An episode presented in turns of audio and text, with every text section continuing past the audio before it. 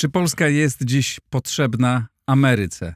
Co zmieniła wojna w relacjach Polski ze Stanami Zjednoczonymi? I na jak długo te zmiany, e, jak długo te zmiany będą trwać? O tym dzisiaj w Układzie Otwartym.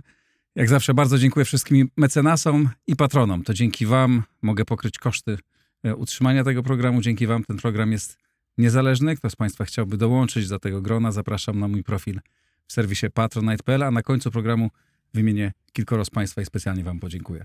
A teraz zapraszam na rozmowę. A oto mecenasi Układu Otwartego. Nowoferm, dostawca bram, drzwi i ramp dla przemysłu, logistyki oraz użytkowników prywatnych.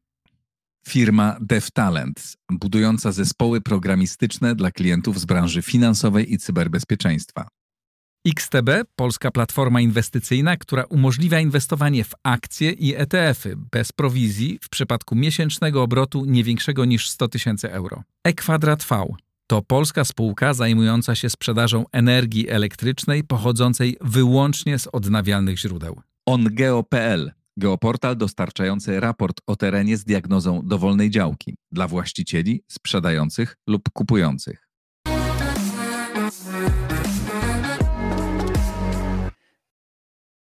Tomasz Wróblewski, prezes Warsaw Enterprise Institute, witaj. Witam, witam, witam. Tomku, do czego dzisiaj po Polska jest potrzebna Ameryce? O polsko-amerykańskich stosunkach można mówić e, po, przez pryzmat Polski i Europy, można mówić przez pryzmat Ameryki. I to jest trochę takie pytanie do ciebie, y, jak chcemy o tym rozmawiać. Znaczy o tym, czego my oczekujemy od Polski, tak naprawdę w dużej mierze determinuje naszą dyskusję o Ameryce. Pewne rzeczy mhm. sobie w Polsce wyobrażamy, że jesteśmy Ameryce do czegoś potrzebni, że jesteśmy jakimś ważni. Znaczy, oczywiście są rzeczy bardzo istotne i w czasie tej wojny one niewątpliwie stały się istotne dla amerykańskiej polityki zagranicznej. Po prostu byliśmy istotnym punktem, cały czas jesteśmy przerzutowym e, i tutaj koncentrują się i wszystkie służby wojskowe, i nawet takie mniej znane agencje, które nieformalnie przesyłają rozmaite i to sprzęt wojskowy czy urządzenia. Wszystkie one tutaj są w tej chwili w Warszawie i w Rzeszowie e, i funkcjonują. Z tego punktu widzenia jesteśmy niezwykle ważni i ostatnie, czego Amerykanie chcą, to jakikolwiek niepokoju w Polsce dzisiaj. Jasne. No i z drugiej, ale z drugiej strony e, jest na rękę Amerykanom to, że podjęliśmy decyzję o bardzo dużych inwestycjach e, w zbrojenia i nie tylko z tego powodu, że będziemy to kupować w amerykańskich od amerykańskich firm, ale też dlatego, że no chcemy tutaj wybudować nową żelazną kurtynę, czyli chronić e, wschodnią flankę NATO i hmm. tym samym odciążyć Amerykę od tego obowiązku. Częściowo przynajmniej. Znaczy, Czy to nie jest tak postrzegane w Waszyngtonie i w innych kręgach? Znaczy w innych miastach? Z całą pewnością y, konflikt z Rosją o Ukrainę mhm. jest częścią szerszego obrazka dla Stanów Zjednoczonych dla Ameryki, jeżeli chodzi o rywalizację z Chinami. Im bardziej Rosja zapada się w sobie, im bardziej jest zwasalizowana z Chinami, tym bardziej ona będzie częścią chińskiej perspektywy na świat i tym bardziej będzie ważna dla Stanów Zjednoczonych. Ale sama Rosja jako taka i tak jak jest postrzegana w Waszyngtonie dzisiaj nie jest zagrożeniem dla Europy że tutaj specjalnie murów przed Rosją na dziś nie trzeba budować. Nie wiem, co będzie za 10-15 lat, ale dzisiaj to nie jest zagrożenie. Oczywiście może być zagrożenie jakąś wojną hybrydową, jakimiś atakami terrorystycznymi, ale to jest coś, co, przed czym się tak łatwo nie uniknie, budując po prostu zapory z broni pancernej i e, rakiet przeciwlotniczych. No poczekaj, przepraszam cię. Mówi, że to nie jest, znaczy, że Rosja nie jest postrzegana jako zagrożenie. No ja słyszę i czytam w bardzo wielu miejscach, że e, celem tej wojny, i to takich no, mhm. jastrzębi, też jastrzębi amerykańskich, celem tej wojny, znaczy tych, którzy jastrzębia w mhm. stosunku do Rosji, tak? Celem tej wojny musi być upokorzenie, rozbicie, tak. dramatyczne osłabienie e, Rosji, bo jeśli nie, to w ciągu kilku lat będzie znowu stanowić e, zagrożenie, bo jak kilka razy, jak próbowała, wiadomo, Gruzja, Tak, tylko Krym, mówimy na dziś. Na Mhm. dziś Rosja nie jest zagrożeniem. Też w amerykańskiej polityce trzeba pamiętać, że są rozmaite perspektywy. Mhm. Tak? Jedna to jest taka bardziej historyczna i ta historyczna perspektywa nam mówi, że rzeczywiście Rosja musi być upokorzona, musi być rozbita, bo tak jak Japonia i tak jak Sta- Niemcy, i to jest doświadczenie y, Ameryki, nie przeszłyby tych przeobrażeń i głębokich zmian wewnętrznych, gdyby nie zostały do tego zmuszone. Tak? Czyli wszystkie instytucje zostały rozebrane na części w Niemczech, rozebrane w Japonii i nawet nazwy ulic zmienione i wszystko zostało odbudowane od początku i niejako w nowym systemie ludzie zaczęli inaczej myśleć. I to jest e, amerykańska perspektywa. Oczywiście niemiecka jest trochę inna, mówi, że bolesne doświadczenia wojny nauczyły ich, że warto być demokratami. No, najpierw musieli przemieść sromotną porażkę, upokorzenie e, i e, żyć w strachu, że Rosjanie zajmą nie tylko do muru berlińskiego, ale może kiedyś pójdą dalej. I to Znaczy, niewielu jest ludzi, którzy marzą, którzy mają takie marzenia, że kiedyś Rosja się stanie tak demokratycznym krajem jak dzisiaj y, Niemcy, czy nawet takim jak Japonia. No tak, no to wszy- wszyscy byśmy chcieli, żeby nawet i Chiny były demokratyczne. Tak, ale Natomiast to jest raczej e, mało przyjmowanie realium, no Rosja nie ma takich doświadczeń historycznych, nawet nie, nie bardzo ma się do czego odwołać, tak? E, większość swojej historii spędziła jako Lenno czy Zabór, e, hordy e, mongolskiej, potem e, Otomanów i, i tak naprawdę państwowość rosyjska jest dość od 1721 takie zupełnie suwerenne państwo, także ona nie jest aż tak stara jak sądzimy e, i, i jej doświadczenie jest wyłącznie kulturowe, mm, to mongolskie.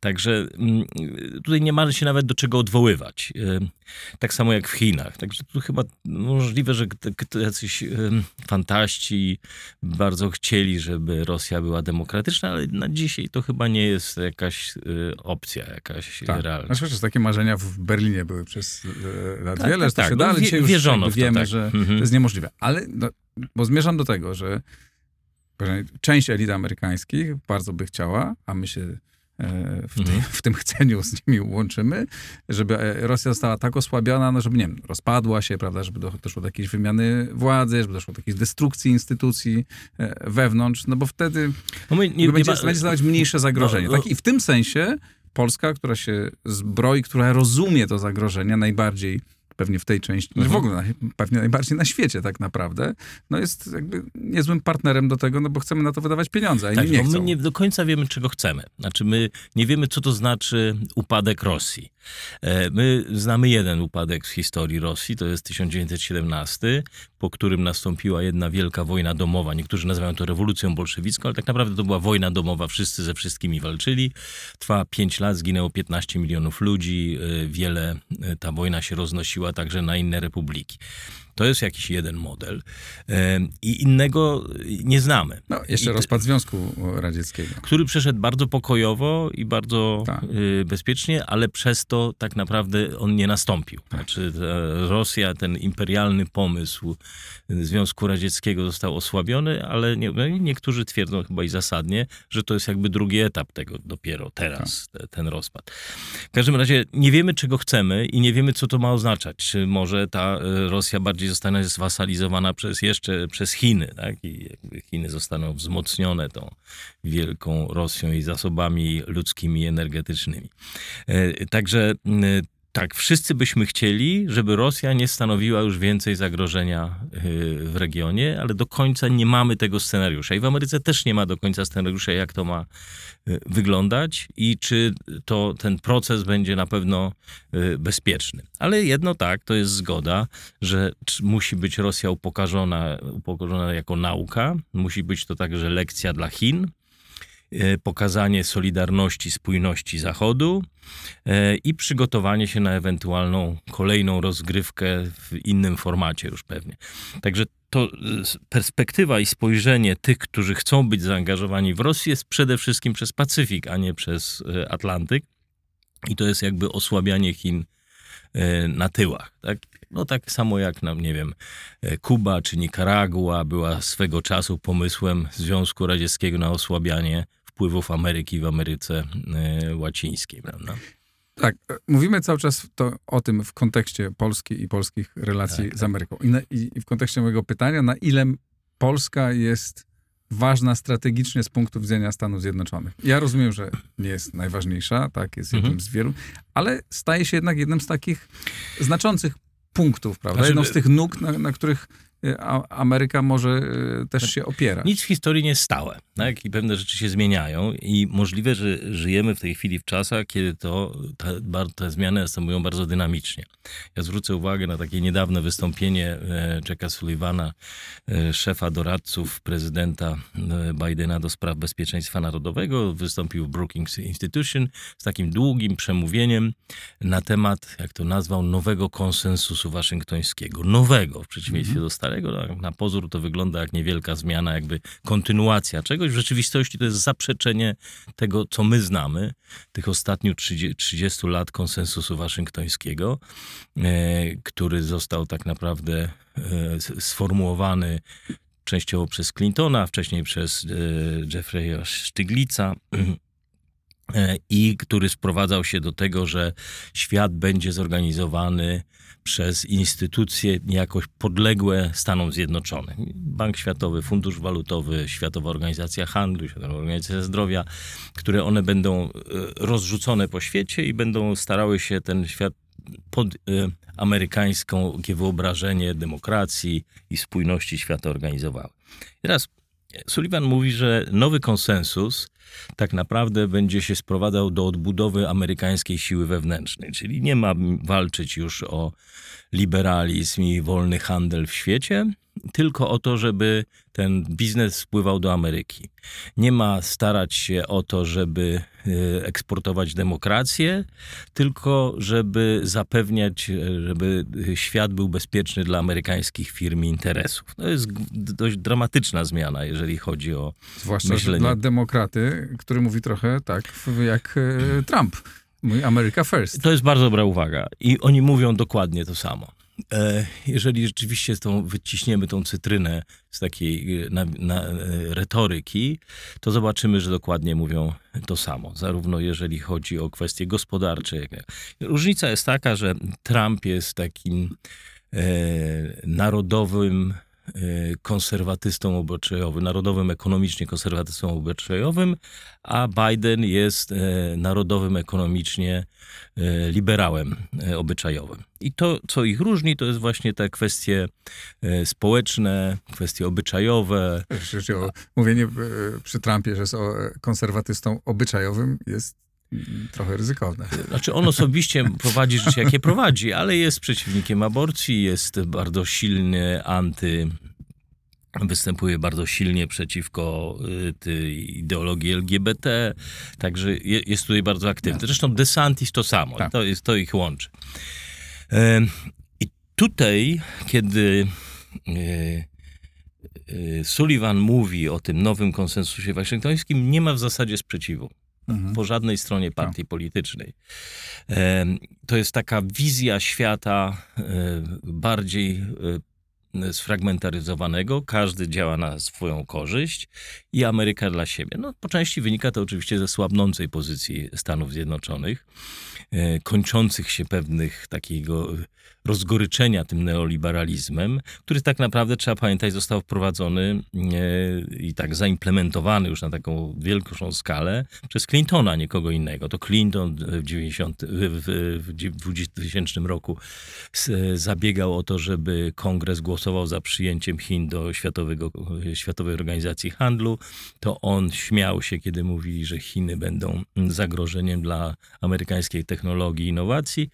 E, I on był tym ojcem tego liberalizmu. To jego żona Hillary Clinton mówiła o deplorables, czyli z pogardą o tych, którzy nie dawali sobie w zglobalizowanym świecie racji. I teraz Partia Demokratyczna mówi, że w tych 70 latach kiedy po, pojawił się cała ta ideologia neoliberalizmu, Partia Demokratyczna została porwana przez tych neoliberałów, e, którzy byli zauroczeni całą tą ideologią, że biznes będzie przede wszystkim narzucał standardy demokratyczne e, na całym świecie a w rzeczywistości zapomniała o tych maluczkich, o tych najbardziej potrzebujących. I dzisiaj Biden, który był wiceprezydentem u Obamy, głęboko zaprzyjaźniony z prezydentem Clintonem, odwraca całe to myślenie. Dlaczego o tym tyle mówię? Dlatego, że e, znajdujemy się w zupełnie innej stratofery myśleniu amerykańskim, gdzie e, Polska nie przypadek, Polska, Ukraina tak naprawdę nie występuje w wyborach amerykańskich. To jest drugorzędne.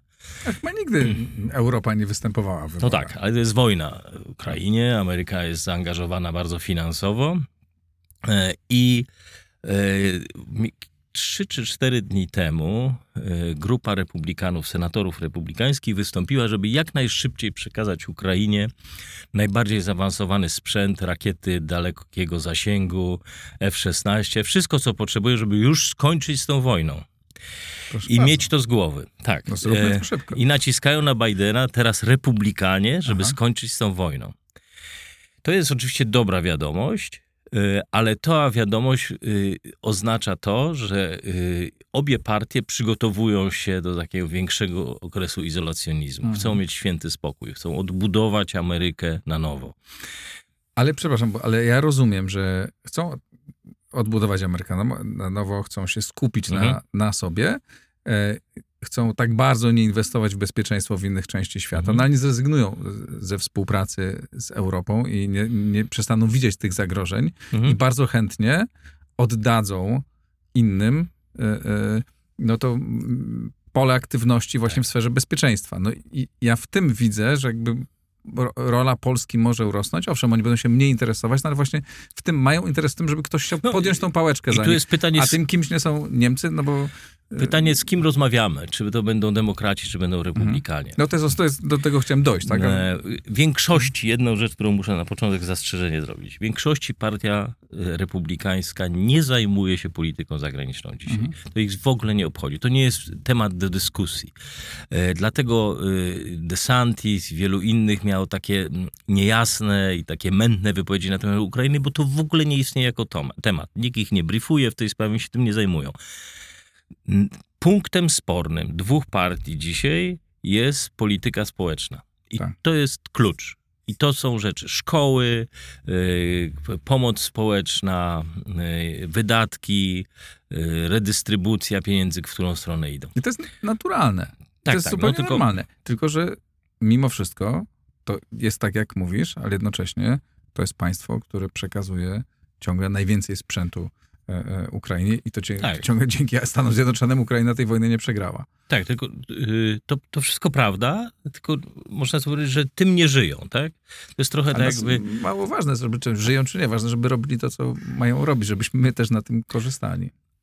I pewnie będą to robili do czasu. Mhm. E, Teraz tak, republikanie mówią, jeżeli chodzi o politykę zagraniczną, i to jest taki duży tekst e, Jamesa Carafano ostatnio w Heritage Foundation, który jest takim mózgiem partii republikańskiej, tej e, myślącej o sprawach zagranicznych części, który powiedział NATO jak najbardziej, ale y, na to, żeby przetrwało i żeby Ameryka z niego nie wyszła, jeżeli będą rządzić republikanie, musi być jasno podzielone. My odpowiadamy za Pacyfik, Niemcy i tam ta reszta odpowiada za Europę. Ale o ile pamiętam, jeżeli, o ile mówimy o tym samym tekście, bo też ten Mhm. tekst Jamesa Carafano podejrzewam, że ten sam, tak, tak, tak. to on tam mówił, on tam pisał o tym, że potrzebne jest zbudowanie linii właśnie e, Waszyngton, Berlin, Warszawa. Tak, on tak. wymieniał Warszawę jako Tak, ważnego i- jak on tu był, to żeśmy to bardzo mu kładli do głowy, że ko- konieczne jest przebudowanie e, tej polityki. I tutaj republikanie rzeczywiście mówią, że do końca nie ufają Niemcom i mówią, że trzeba e, silniej nastawiać się na Europę e, środkową. E, Jest nam bliżej do Polaków, do Czechów, do Węgrów e, też i do e, państw bałtyckich niż do Niemców. W związku z tym Niemcy są najbogatsze i trzeba to, to uznać.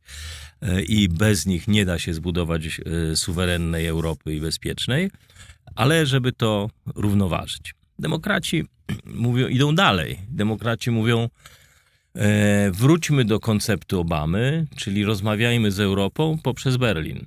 Czyli e, niech oddajmy w zamian za to, że Niemcy będą finansować e, całą tak naprawdę odnowę e, militarną Europy, oddajmy im też prawo do decydowania.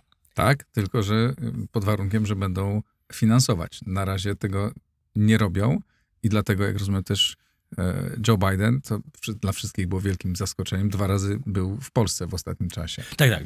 Joe Biden był w Polsce z, z oczywistych względów, bo tutaj były teraz Amery Tak. amerykańskie interesy. Żebyśmy to do końca. y, To jest jasne. Nie widzieli, dlatego, że nagle pokochał rząd, Tak. a zwłaszcza ten rząd. E, da- Ale jednak ten rząd podjął decyzję i prawdopodobnie następny jakikolwiek nie będzie, będzie to mniej więcej Mhm. kontynuował, e, to my będziemy e, budować, to Polska będzie budować bardzo silną armię, a Niemcy, no może będą, ale na razie niewiele, Tak, to niewiele to, prawda. zapowiada. Niemcy na razie nie dotrzymują słowa e, tego Zenenwende całego z tych 100 miliardów, tam się niewiele co skapło, te pieniądze idą w innym celu. To jest prawda. To nie znaczy, że Ameryka nie dotrzyma słowa i że nie przestanie łożyć na Europę w pewnym momencie i że Niemcy albo my, albo my zostaniemy sami na sob- za sobą e, i będziemy musieli my pilnować tej granicy. To jest bardzo możliwe. To nie znaczy, że z tego powodu Ameryka e, pozostanie w Europie, bo wcale to nie jest konieczne. Oczywiście, y, patrząc na to trzeźwo, w dalszym ciągu amerykańskie interesy w Europie są ogromne. Inwestycje w rynki finansowe, inwestycje mm, w przemysł, y, zwłaszcza y, gospodarkę cyfrową, są największe y, amerykańskie w Europie. No i ktoś tych interesów będzie musiał pilnować, także to też nie jest takie do końca, że tego się wyzbędą, bo trzymając się tego nowego konsensusu, no to te interesy tutaj amerykańskie są y, i pozostają dość y, silne, chociaż to też oczywiście może się zmieniać. No i też nie- Ameryka nie może sobie pozwolić na zupełne, e, zupełnie, e, e, zupełne odpuszczenie wschodniej flanki NATO, no bo to też zabezpiecza ich interesy. Oczywiście jak Europa się za to weźmie porządnie, no to nie będą mogli na to mniej wydawać i może częściowo, nie wycofają swoje wojska, ale na razie tego, mówiąc szczerze, ja nie wierzę, żeby zrobili to tak długo, No my nie tak wiemy, nie sytuacja stabilna. Rzeczy posuwają się bardzo szybko. Na Tak. dzisiaj jesteśmy, gdzie jesteśmy, trwa wojna e, i ta pomoc jest e, konieczna. E, Pytanie, czy rzeczywiście, i mi się wydaje, że w Europie państwa dostrzegają tą zmianę, i ona będzie y, widoczna na pewno już po wyborach. Znaczy, że to, to będzie musiało się w tą stronę przesuwać. Jest taki mocny niesmak w Stanach Zjednoczonych, że pozycja Ameryki spada, y, te wewnętrzne podziały, które są według demokratów konsekwencją tego neoliberalizmu. Bo to, to zresztą Sullivan mówił w tym swoim wystąpieniu, że to ne- neoliber- neoliberalizm zostawił Ameryce właśnie w spadku te podziały społeczne, konflikty, zapaść infrastruktury, y, duże bezrobocie w, Stanach Środkowych Ameryki i że to y, musi by się zmienić właśnie, musi być bardziej przedsiębiorcza e, polityka. Dlatego myślę, że dzisiaj, dopóki trwa wojna, Amerykanie niczego nie zwerbalizują, niczego głośno nie powiedzą. Na pewno administracja nie powie. Niczego, co mogłoby sugerować, że się wycofają albo osłabią swoje zainteresowanie, bo to mogłoby wpłynąć na to, jak ta wojna będzie postrzegana przez Rosję. E, Ale patrząc na tą dynamikę, na te przemiany w Ameryce, to jest nieuniknione. I teraz y, to się stanie niezależnie od tego, co zrobią Niemcy. Czy się będą zbroić, czy się nie będą zbroić? Czy będą wykładać pieniądze, czy nie będą wykładać pieniędzy? Osłabiona Rosja na dziś, zdaniem wielu, nie stanowi takiego zagrożenia. Silna polska armia, armie e, państw bałtyckich, Finlandii, e, aż po Rumunię, może stanowić wystarczającą zaporę, żeby się Amerykanie przestali tym martwić. Teraz... Ale czy to nie zwiększa, czy to właśnie nie zwiększa pozycji Polski? Czy to nie wzmacnia e, e, pozycji Polski? Czy nie będzie wzmacniało w przyszłości? Bo nie mówię o tej sytuacji teraz, no bo teraz mamy Rzeszów, tak? Zależy trochę, y, znowu, to, to może się zmieniać. Tak? W tym całym nowym konsensusie waszyngtońskim bardzo silnie podkreślone są zmiany wartości. Tak? Po raz pierwszy właśnie nie neoliberalizm, czy wszystko jest mierzone pieniądzem, tylko wartości, które inaczej spostrzegają demokraci, inaczej republikanie. I demokraci widzą konieczność takiej równości społecznej, e, tych wszystkich wartości, które w tej chwili się pojawiają w związku z wielką dywersyfikacją społeczną i będą chcieli to dalej eksportować w świat. I teraz, jeżeli nie będą tego y, y, nie pozwolą sobie na pewno na stworzenie jakiegoś takiego konserwatywnego pasa tutaj przy Europie Wschodniej i mm, będą, wrócą pewnie do tej polityki połajanki, bo żeśmy zapomnieli, że jak początku Departament Stanu jeszcze przed wojną w Ukrainie był nie mniej srogi y, i nie, równie chętnie łajał polski rząd jak e, Niemcy czy jak Bruksela E, i do tego bez trudu może wrócić. Mimo o, o tej administracji, administracji Tak, Bidena. tak, mówię o Bidenie. Administracja Bidena w zasadzie e, do tej pory e, ten National Security Council, czyli ten mózg, nie spotyka się z polskimi przedstawicielami. Polscy przedstawiciele jeżdżą do e, Pentagonu, w Białym Domu się spotykają, w, w Departamencie Stanu, ale tam, gdzie jest cała ta ideologia Białego Domu, czyli nasze, takie, ni- oni nie przyjmują polskich tego, nawet polskiego ambasadora koncentrują się na swoich sprawach i mają bardzo dobrze wyrobioną opinię na temat tego, co się w Polsce dzieje i co ich zdaniem jest dobre czy nie. Jeżeli wojna się skończy i Polska y, nie będzie już miała aż takiego znaczenia, bo raz, że Rosja, jeżeli do, ta wojna się skończy, to nie będzie już tam, gdzie była, to nie będzie imperialna Rosja, będzie gdzieś zepchnięta, po prostu wystarczy powiedzieć na mapę, będzie wielka Ukraina, będzie Będą silne Prybałtyki, Polska gdzieś tam, Białoruś. Też trudno nam powiedzieć, gdzie będzie, ale jeżeli e, wojna na Ukrainie się skończy, to pewnie Białoruś także będzie gdzie indziej niż jest. Tak. Ale wtedy też Polska będzie, zapewne Polska będzie bardzo bliskim partnerem Ukrainy, jak, dal, jak daleko to, ta Tak, współpraca. tak. Będzie, I tu mówimy o będzie- przetasowaniach w samej Europie, Tak. jakie będą, tak? Bo to się może zdarzyć, o czym bardzo chętnie porozmawiam. Natomiast mm, czy to będzie na rękę administracji Bidena, żeby mieć silną, konserwatywną e, Europę Wschodnią z Ukrainą, z Polską, e, może i Białorusią, e, czy raczej będą woleli postawić na nie, Niemcy. Te procesy nie dzieją się natychmiast. Tak? Cokolwiek się stanie w Ukrainie, zanim to będzie liczący się gracz, cokolwiek stanie się na Białorusi, Polska też potrzebuje jakichś przemian ekonomicznych, to wcześniej jednak ważnym rozgrywającym będą Niemcy. No i tutaj jest pytanie. Republikanie, tutaj to co wspomniałeś, ten tekst Carafano i on też mówi to, że mm, że na pewno administracja czy Trumpa, czy DeSantisa będzie starała się budować taką równowagę pomiędzy Europą e, Środkową a Niemcami, tą zachodnią. Będzie pewnie tutaj y, grała bardziej na Europę e, Środkową i pilnowała, żeby to, to, to nie zachwiać tej równowagi w Europie. Tak? To zresztą jest sławna doktryna Montgomery'ego, później przez Johnsona, prezydenta Johnsona poszerzona właśnie, że w Europie nie może być jednego podmiotu, jednego państwa, które dominuje całą Europę. No ale już Obama odszedł od tej doktryny e, i Biden też początkowo odchodził od tej doktryny. Uważał, że należy grać na jedną Europę jako partnera, a stolica jest w Berlinie, w związku z tym trzeba rozmawiać z Berlinem. E, Ale teraz rola Berlina, przynajmniej tak przejściowo, znaczy nie wiem, czy przejściowo, czy nie przejściowo, ale na razie póki co no, nie jest zbyt Tak, i silna w I to, co chcę powiedzieć, to bardzo dużo zależy od nas. Mhm. E, Dużo zależy od nas, gdzie my w tym całej układance europejskiej się ustawimy. Dla demokratów e, konserwatywna Polska, jeżeli będzie konserwatywna, to nie jest partner do, do rozmowy i na pewno nie będzie się opłacało na nas grać, bo to korzyści są. Ro, proszę sobie wyobrazić, Rosja jest słaba, Ukraina podnosi, Polska ze swoją taką antylewicową e, doktrynerią wypływa nagle na głównego gracza. Pojawiają się nowe zagrożenia perspektywy oczywiście e, Waszyngtonu, jakiegoś takiej nacjonalizmu w tym rejonie, czegoś, co jest im obce i z czym by chcieli walczyć. Także to, to działa wyobraźnia. Ja nie mówię, że to Jasne. nastąpi, tylko to działa wyobraźnia i te, na, na pewno będą starali się e, współpracować z Niemcami, których znają i demokraci, im się dobrze z nimi współpracuje.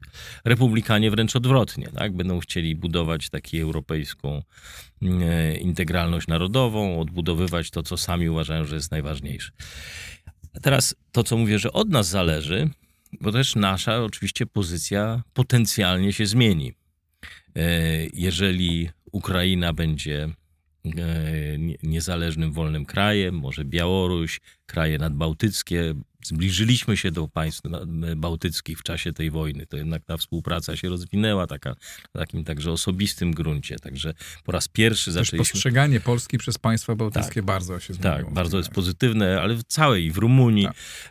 właściwie wszędzie mówi się o nas jako o sile. Miałem taką ostatnio e, rozmowę z jakimiś, e, grupa właśnie była, była Bułgarka, Rumun i Ukraińcy, teraz ostatnio w Pradze Czeskiej i ja mówię, no, rozmowa była o inwestycjach na Ukrainie. My jesteśmy za małym, za słabym krajem, żeby konkurować z Niemcami czy z Francją. I wybuchnęli śmiechem że mówi, że taka skromność. No, my spostrzegamy siebie jak spostrzegamy, oni widzą nas inaczej. I to rzeczywiście jest plus. To ja usłysz, usłyszałem, jeżeli pozwolić, tak podobne Aha. głosy właśnie w państwach bałtyckich. Nie? Tak, Tak. Że, dlaczego wy nie inwestujecie tutaj e, więcej? Mhm. Dlaczego skoro Szwecja może, Szwecja może otwierać swoje banki, Szwedzi mogą otwierać swoje Dlaczego banki, nie? dlaczego Polska nie otwiera swoich e, banków? Co jest prawdą, uważam, że powinniśmy tam ze względów takich politycznych wchodzić e, do, do, do Ja- tych państw. Tak, myślę, że na przykład największym błędem takim, jeżeli chodzi o finanse już robimy, to nie mamy w zasadzie w Polsce własnych platform e, transakcyjnych e, internetowych.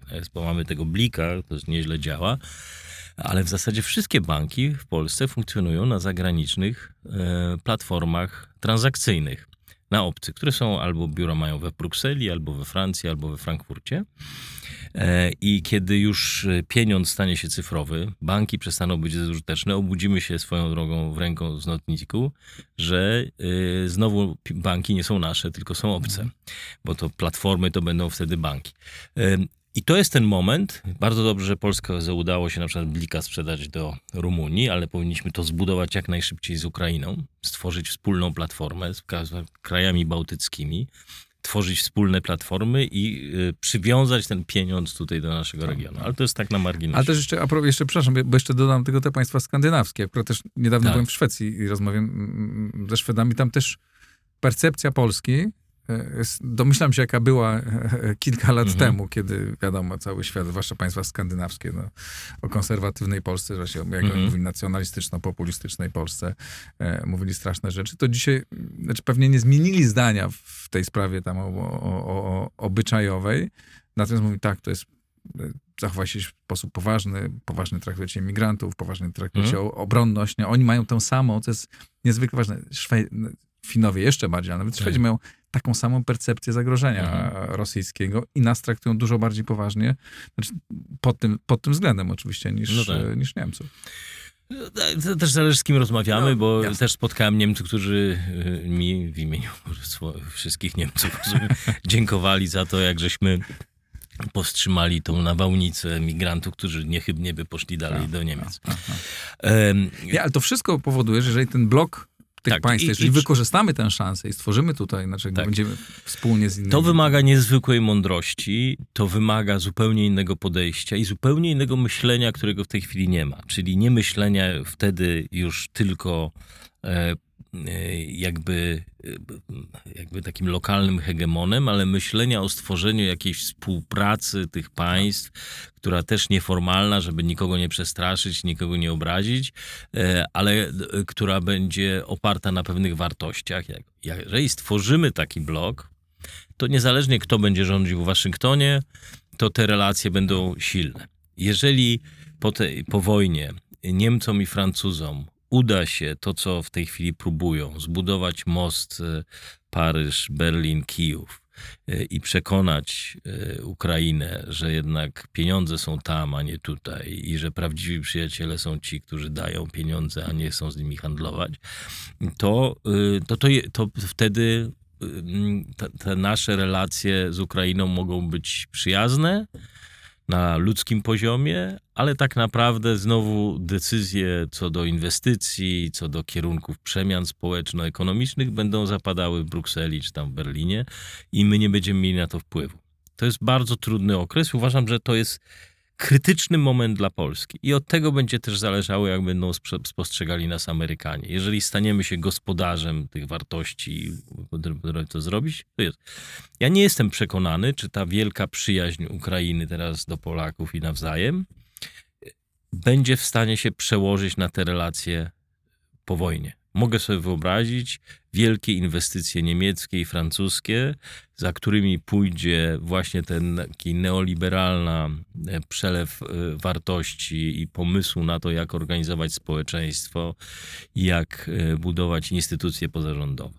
Jeden z zarzutów, który republikanie stawiali Bidenowi i to w Polsce było chyba gdzieś umknęło, bo było fatalnie przekazywane, że republikanie nie chcą więcej dawać pieniędzy na e, pomoc Ukrainie, co jest nieprawdą.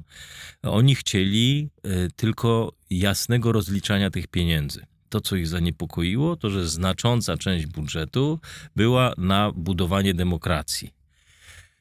Znaczy to nic i bardzo dużo. W języku takim linku Waszyngtonu to znaczy budowanie think tanków, budowanie organizacji, które wpływu, które będą zgodne z myśleniem Partii Demokratycznej. Tak? Czyli za chwilę zobaczymy, jak będą się zmieniały te organizacje i które będą dojdą do głosu. Byłem teraz właśnie w Pradze, to był taki zlot. Mm, organizacji wolnorynkowych y, w, z całej Europy. No i te ukraińskie są tam silne, one w dalszym ciągu są, ale wszyscy mówią, że jest coraz więcej think tanków, organizacji, tych NGO-sów, które już, y, które serce bije po lewej stronie i promują dywersyfikację, promują inną edukację, promują sekularyzację kraju i, i ten. Także ta, ta walka się gdzieś już toczy. Prawda? No i my nie możemy czekać do końca wojny, musimy mieć ten pomysł wcześniej. Jeżeli go nie, będą, nie będziemy mieli, to myślę, że Niemcy mogą wygrać tą, to, to, to, starcie. I wtedy zależy, kto będzie prezydentem Stanów Zjednoczonych w 2025. Zgadzam się. Rozumiem, że myślimy po, podobnie, że y, jesteśmy w no, niezwykle historycznym momencie, w którym wszystko się zmienia. Mhm. Jeśli pogramy dobrze, to możemy zbudować taką swoją pozycję, że jak powiedziałeś, niezależnie od tego, czy będą demokraci, czy republikanie, to mhm. będziemy ważnym miejscem na świecie, czy częścią tego ważnego miejsca, ale akurat centralnie położono, tak się, tak, tak się składa. No albo, albo nie wykorzystamy tej szansy i damy, no się, jest, damy się przeskoczyć. Y, to, to, to jest szansa, y, którą mi, nie mieliśmy od 200 lat. Czyli y, przesunięcia punktu ciężkości. Dopóki Europa Środkowa z Litwą, Polską były silną jedną wspólnotą, taką państwową. Niemcy były słabe, Francja była silna, zupełnie inaczej wyglądała Europa. jakby kluczem do tego pomysłu niemieckiego, e, Europy stabilnej, e, jednak pod niemieckie dyktando, jest osłabiona Polska, bo ona musi być osłabiona, żeby mogło Niemcy budować relacje z Rosją. Tak? I teraz rzeczywiście nadarza się niezwykła okazja, ponieważ jest możliwość, że Rosja wyjdzie z tego całkowicie rozproszkowana i posypana i zajmująca się sama sobą. Niemcy y, wytraciły takie nie tylko mechanizm, taką, taką moralną estymę, ale także mechanizmy wzrostu. To widzimy, co się dzieje w tej chwili. Niemcy wchodzą w recesję. I bardzo możliwe, że to jest ten moment. Tylko my musimy mieć tą propozycję. Ale to jest też moment na zbudowanie partnerskich relacji z Niemcami. Bo to nie to, żebyśmy budowali tutaj ten blok, tak, wracając oczywiście. się od Niemiec, e, nie, nie, nie. tylko żeby być dla nich jeszcze bardziej nie, nie możemy konfliktu atrakcyjnym e, tak. partnerem. Tak, czyli ta antyniemiecka narracja jest niewątpliwie nam utrudnia, bo znowu dla innych państw, takich jak Czechy, e, to one też nie chcą wchodzić w, w spięcia z, z Niemcami. Także to jest zupełnie niepotrzebne. No i dalej, ja mam takie wrażenie, że na średnim poziomie i biznesu, i dyplomacji, te nasze relacje z państwami bałtyckimi, z Rumunią, z Bułgarią, z e, Ukrainą są bardzo dobre, ale nie mamy dalej wypracowanej jakiejś wizji, jakiegoś e, pomysłu, w jakim kierunku to. Mimo, że mamy narzędzia, bo ten, to Trójmorze jest dobrym pomysłem, ono przedtem było takim, no, takim narzędziem dyplomatyczno-politycznym, trochę bez y, napędu, y, ale teraz ono nabrało takiego życia, sensu ekonomicznego, strategicznego i tak większość ludzi już czuje, że jest to coś, co we wszystkich tych krajach, że jest coś, co ma, ma sens. Tylko trzeba y, zaproponować jakąś wizję. No i trzeba też na, nadać życie, bo ten projekt rzeczywiście myślę, że był wizjonerski i jest i on ma szansę Mhm. na to, żeby odegrać dużą rolę, tylko trzeba go jeszcze wypełnić treścią, bo on tak Tak, razie nie może być tylko czysto przede wszystkim, dyplomatycznym. konfer- przede wszystkim konferencje, konferencje, konferencje, szczyty Tak, tak. i tak dalej, a tego mięsa jest jeszcze ciągle No każdy ciągle taki konflikt, kwestia zboża tak, z Ukrainą jest straconą szansą. To jest taki moment, w którym Polska powinna wystąpić i powiedzieć, słuchajcie, polityka rolna Europy nie przetrwa tego. Mhm. Jeżeli Ukraina kiedykolwiek ma wejść do Unii Europejskiej, to y, musimy przebudować poli, wspólną politykę rolną. Wyjść z inicjatywą, z pomysłem. My jak na razie działamy na rzecz konserwowania y, tych stałych systemów. To nie jest państwo nowoczesne, wizjonerskie, które y, tworzy jakąś nową formułę interesującą dla y, Ukrainy i dla innych państw. Tworzymy zupełnie niepotrzebny konflikt, y, napięcie. To jest coś, czego się obawiam. Tak? Że my wyjdziemy z tej wojny skłóceni, z większą ilością konfliktów, trochę na- nabuzowani, dumni z tego, ile żeśmy to nie zrobili dla wolnego świata, a jak zwykle niewiele z tego może wyniknąć. Możemy e, nie, nieźle przetrwać tę wojnę. Pytanie, czy przetrwamy wybory. To co będzie przed, przed wyborami, to na parzankę. Z drugiej, to z jednej strony patrząc, a z drugiej strony patrzymy na wolną Polskę Wybory od są- 30 lat i, ty i słyszysz, każde wybory się po ty prostu słyszysz żeby w tych wyborach było na ten temat? My Nie. rozmawiamy Nie, ogóle, no, o tym, na jak razie- ma wyglądać układanka towarzyska w jednej czy w drugiej Tak. partii. W ogóle nie rozmawiamy o wizji. Ja nie, nie słyszę od żadnej z partii, od żadnej z partii wizji y, tego, jak ma wyglądać Polska. Dzisiaj słuchałem Znaczy jest, nie, no, jest jedna wizja taka, żeby y, wizja Polska, żeby Polska była rządzona przez PiS, a druga, żeby była nierządzona przez PiS. To- Tak, tak. No to są dwie, ale nie ma tam te, tego pomysłu. Tak. Zgadzam się. Na koniec, jeśli, jeśli pozwolisz, Mhm. trochę mm, przy okazji tematu, Mhm. bo rozmawialiśmy o, o Polsce i Stanach Zjednoczonych, ale jesteśmy przy tych Stanach, e, e, czy twoim zdaniem w wyborach najbliższych, znaczy w tych prawyborach, e, DeSantis ma potencjał do tego, Mhm. żeby e, przeskoczyć Trumpa? Na razie wiadomo, ta dysproporcja jest Tak, duża, no, ale wydaje się, że mają wiele takich cech, które... y, No, DeSantis je- jest wyjątkowym człowiekiem rzeczywiście i ta jego historia życia, jego osobiste życie, to jak, jak, tylko wystarczy popatrzeć na ustawy, które on y, inicjował y, przez trzy lat, przez trzy kadencje w kongresie, są naprawdę to same takie rozwojowe, jeżeli chodzi o niezależność szkół, jeżeli chodzi o y, systemy ubezpieczeniowe. To są jedne z ważniejszych ustaw. Rzeczywiście tak jak zobaczy na gospodarkę i kwestie społeczne, on tam był. E, To samo, jeżeli chodzi o Florydę. E, Jeżeli przyjmiemy, że e, polityka, po- po- takim testem polityka jest e, kryzys, no to kryzys pandemiczny był testem na pewno DeSantisa i on e, umiał to przezwyciężyć. Tak? Czyli niezależnie od tego, co mówił Trump e, o konieczności izolacji, maseczek i zamykania biznesu, on to sam doczytał, sam spotykał się z ekspertami i zmienił tego. Floryda jako jedyna się nie zamknęła i dzisiaj jest drugim najszybciej rozwijającym się krajem. Mimo zarzutów Trumpa, że jest e, to katastrofa ekonomiczna, to jest drugi jak mówię, najszybciej rozwijająca się gospodarka e, Ameryki. E, Także tu ma, ma doświadczenie i ma poparcie wielkiego biznesu. Znaczy tych konserwatywnego amerykańskiego biznesu ma poparcie. Tak na chłopski rozum wydawałoby się, że no, jest konserwatysta i to taki znacznie bardziej integralny niż Trump, no bo Trump, że tak powiem, jest deklaratywnym, e, e, e, e, że, e, deklaruje i popiera rozwiązania, Tak. ale sam jest, no jak już mówiliśmy, e, wie, wie, wiemy jaki, e, jaki jest Trump. No do tego ma 44 lata, tak, o połowę prawie mniej Tak. niż, e, e, niż jego konkurent. No nie ma za sobą żadnych wielkich skandali, e, ma kontrowersje, owszem, no ale... Nie ma tej jest- charyzmy. Nie ma niewątpliwie tej charyzmy, Tak. takiej umiejętności narracji, nie ma tej y, zdolności y, komunikowania się bezpośrednio z wyborcami, z dziennikarzami. Także wiele rzeczy, trochę jak w Polsce, cokolwiek się wrzuci przeciwko Trumpowi i nawet jeżeli te zarzuty będą po- dowiedzione przez sąd, czy będą prawdziwe, e, to tylko go wzmacnia, a nie osłabia, mm, bo y, tego elektorat stara się go e, stara się nie wierzyć tej drugiej stronie.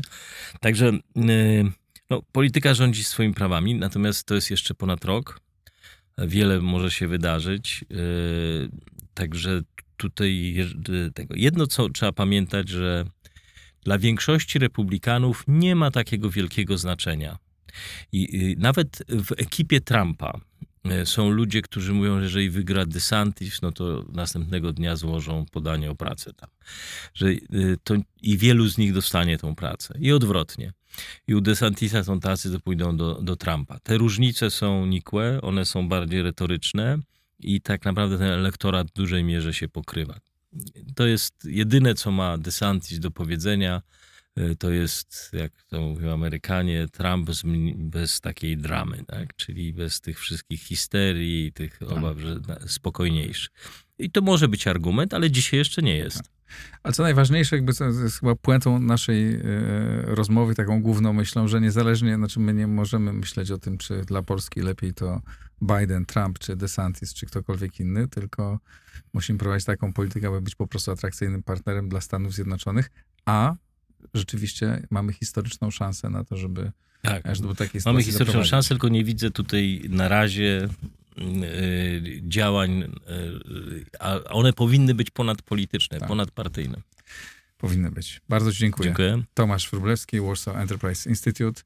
To wszystko dzisiaj. E, Jak zapowiedziałem, chciałem bardzo podziękować kilku, e, kilku patronom. Piotr Dudek, Roman Żurowski, Paul Iwaldow, Jacek Hoffman, Filip Kaszmarek. Bardzo serdecznie Wam dziękuję i dziękuję wszystkim pozostałym patronom i wszystkim, którzy oglądają, lajkują, subskrybują Układ Otwarty. Do zobaczenia, do usłyszenia.